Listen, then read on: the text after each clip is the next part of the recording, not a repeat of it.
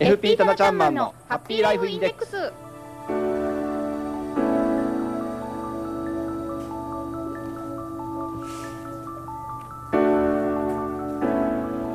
タナちゃんマンのハッピーライフインデックス。この時間はあなたの夢と未来をトータルサポートするライフサポート有限会社の提供でお送りします。私たちと一緒に明るい未来幸せな生活になるためのマネーライフを考えてみませんか？この番組では皆さんからの疑問質問も受け付けています。宛先は浜園専用アドレス hama.p-wave.ne.jp ハマアットマーク p-wave.ne.jp です。何でも結構ですよ。ぜひお待ちしています。さあそれでは早速今日も一級ファイナンシャルプランニング技能士ライフサポート有限会社代表の多田ちゃんマンを呼んでみましょう。多田ちゃんマンはいこんにちは。多田橋です。はい今日も素敵な笑顔で登場。青空にタラちゃんマンは本当笑顔がなんか似合いますね。ありがとうございます。はい。ちょっと、ね、風邪をひいてしまいまして声がこんな形で。そうなんですか？聞きづらいかもわかりませんけれども。いえい申し訳ありません、はい、今日もよろしくお願いします。こちらこそお願いいたします。さあ今日は、はい、えー、テーマですが、はい。そうですね。あの今日はね、あのー、いつもねこのスタジオでお話をさせてもらってるんですけど全く関係ないお話をしてきたんですけども、はい、今日は1回ぐらいねちょっとあの、お話をしてみたいなということで海外旅行でねあのクレジットカードを使われる方も多いと思うんですけれども。そうですね、はい、あの海外でクレジットカードを使う時の注意点をなんかお話ししていきたいなと思います。なるほど。これはここ浜園ターミナルでね、はい、今から海外旅行行くという方も多いですし、ね、ね、はい、今週使うという方も多いので、すね、すごく身近に役立ちそうですね、はい、はい、そうですね。今までそのテーマになぜ気づかなかったの？という感じなんですけどね。はい、今日はそのお話をしていきたいと思います。はい海外旅行、そうですね、クレジットカードの方がすごく使い勝手が良かったりするんですが、はい、ね、あのもしおあの落としちゃったりとかしてもね、はい、あの紛失届を出せばあの使用停止聞きますしね、そうですよね。あのもしまあ一度その事故の時でもね、あの実害がないストップがかけられるという意味ではね、はい、すごく安全だと思いますしね、はい、えー、あのえー、クレジットカード使われる方多いと思いますんでね、はい、はい、保証がちゃんとついているその盗難保証などがついている、ね、というのがやっぱり有効ポイントだと思うんですけれども、はい、これってすぐ電話をしたらもう前倒しで例えば被害大丈夫なんでしょうか？そうですね。えあの紛失に気づいた時にはねすぐに、はい、あのカード会社のほとんどのカードの場合はですね海外の窓口サービス窓口がありますのでね、え、はい、そちらにあのお電話入れていただければその時点でストップはかけられるというふうになりますね。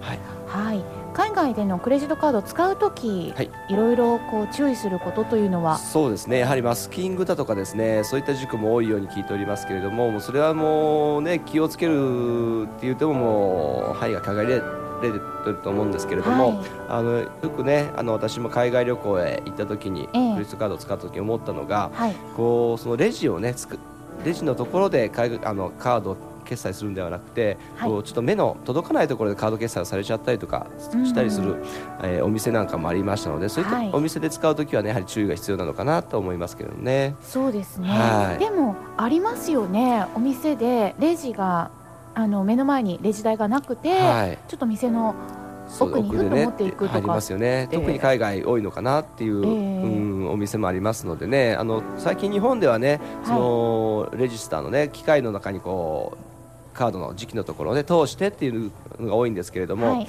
えー、どうなんでしょうね。海外まだそのこう機械でこうなんていうのかねあの手動のガチャというそうですね。印字される機械のところもありますしね。そう、ね。えー、そういったケースがやはり危ないのかなっていう気がしますね、はい、それを目の前でやってもらそうですね。目の前でやっていただければいいんですけどね、はい、うんうんただあの海外行った時それをこう拒否するのがやはりやりにくいのかなと思うんですけど。そうですね。やはり言葉の問題だとかあると思いますけれども、はい、うん。まあ、そういったお店では、ね、極力あの現金あるいは TC でねトラベラーズチェックで決済をしていただくように心がけていただければと思いますけどね。なるほど、はい、はい、クレジットカードの、はい、あのどういったものを選んで海外では使うとか日本での以外での使い分けとかってありますか？特にはね、ないと思うもうほとんどのあのクレジットカード海外でも使えるようになっておりますし、はい、あの日本国内の、ね、審判会社の発行しているクレジットカードなんかでも、はい。あのマスターカードだとかビザカードと提携する形でですね、はい。海外で使えるようになっておりますのでねその辺は大丈夫かなと思いますけれども、うんうんうんただですね海外でカードを使われるときには、はい。えー特に注意いただきたいのがですねレートですよね。為替レートの問題。これ実はですね、はい。あのカードを使って買い物をしたときカード決済をした時点でのレートじゃないんですよね。あのー実際に計上されるそのカード会社へはい。上がってくる時のレートそうですね。といあのカードの毎月はい。毎月締め切り日ってあると思いますけれども、例えば、えー例えば私が使っているカードですと15日締め切りの翌月の10日の引き落としという形になるんですけれども、はい締め切り日のレートが適用されるんですよね。あそうなんですねので買い物するときに例えば1ドル110円だったものが、えーカード会社が決済するときに113円になってるかもしれない。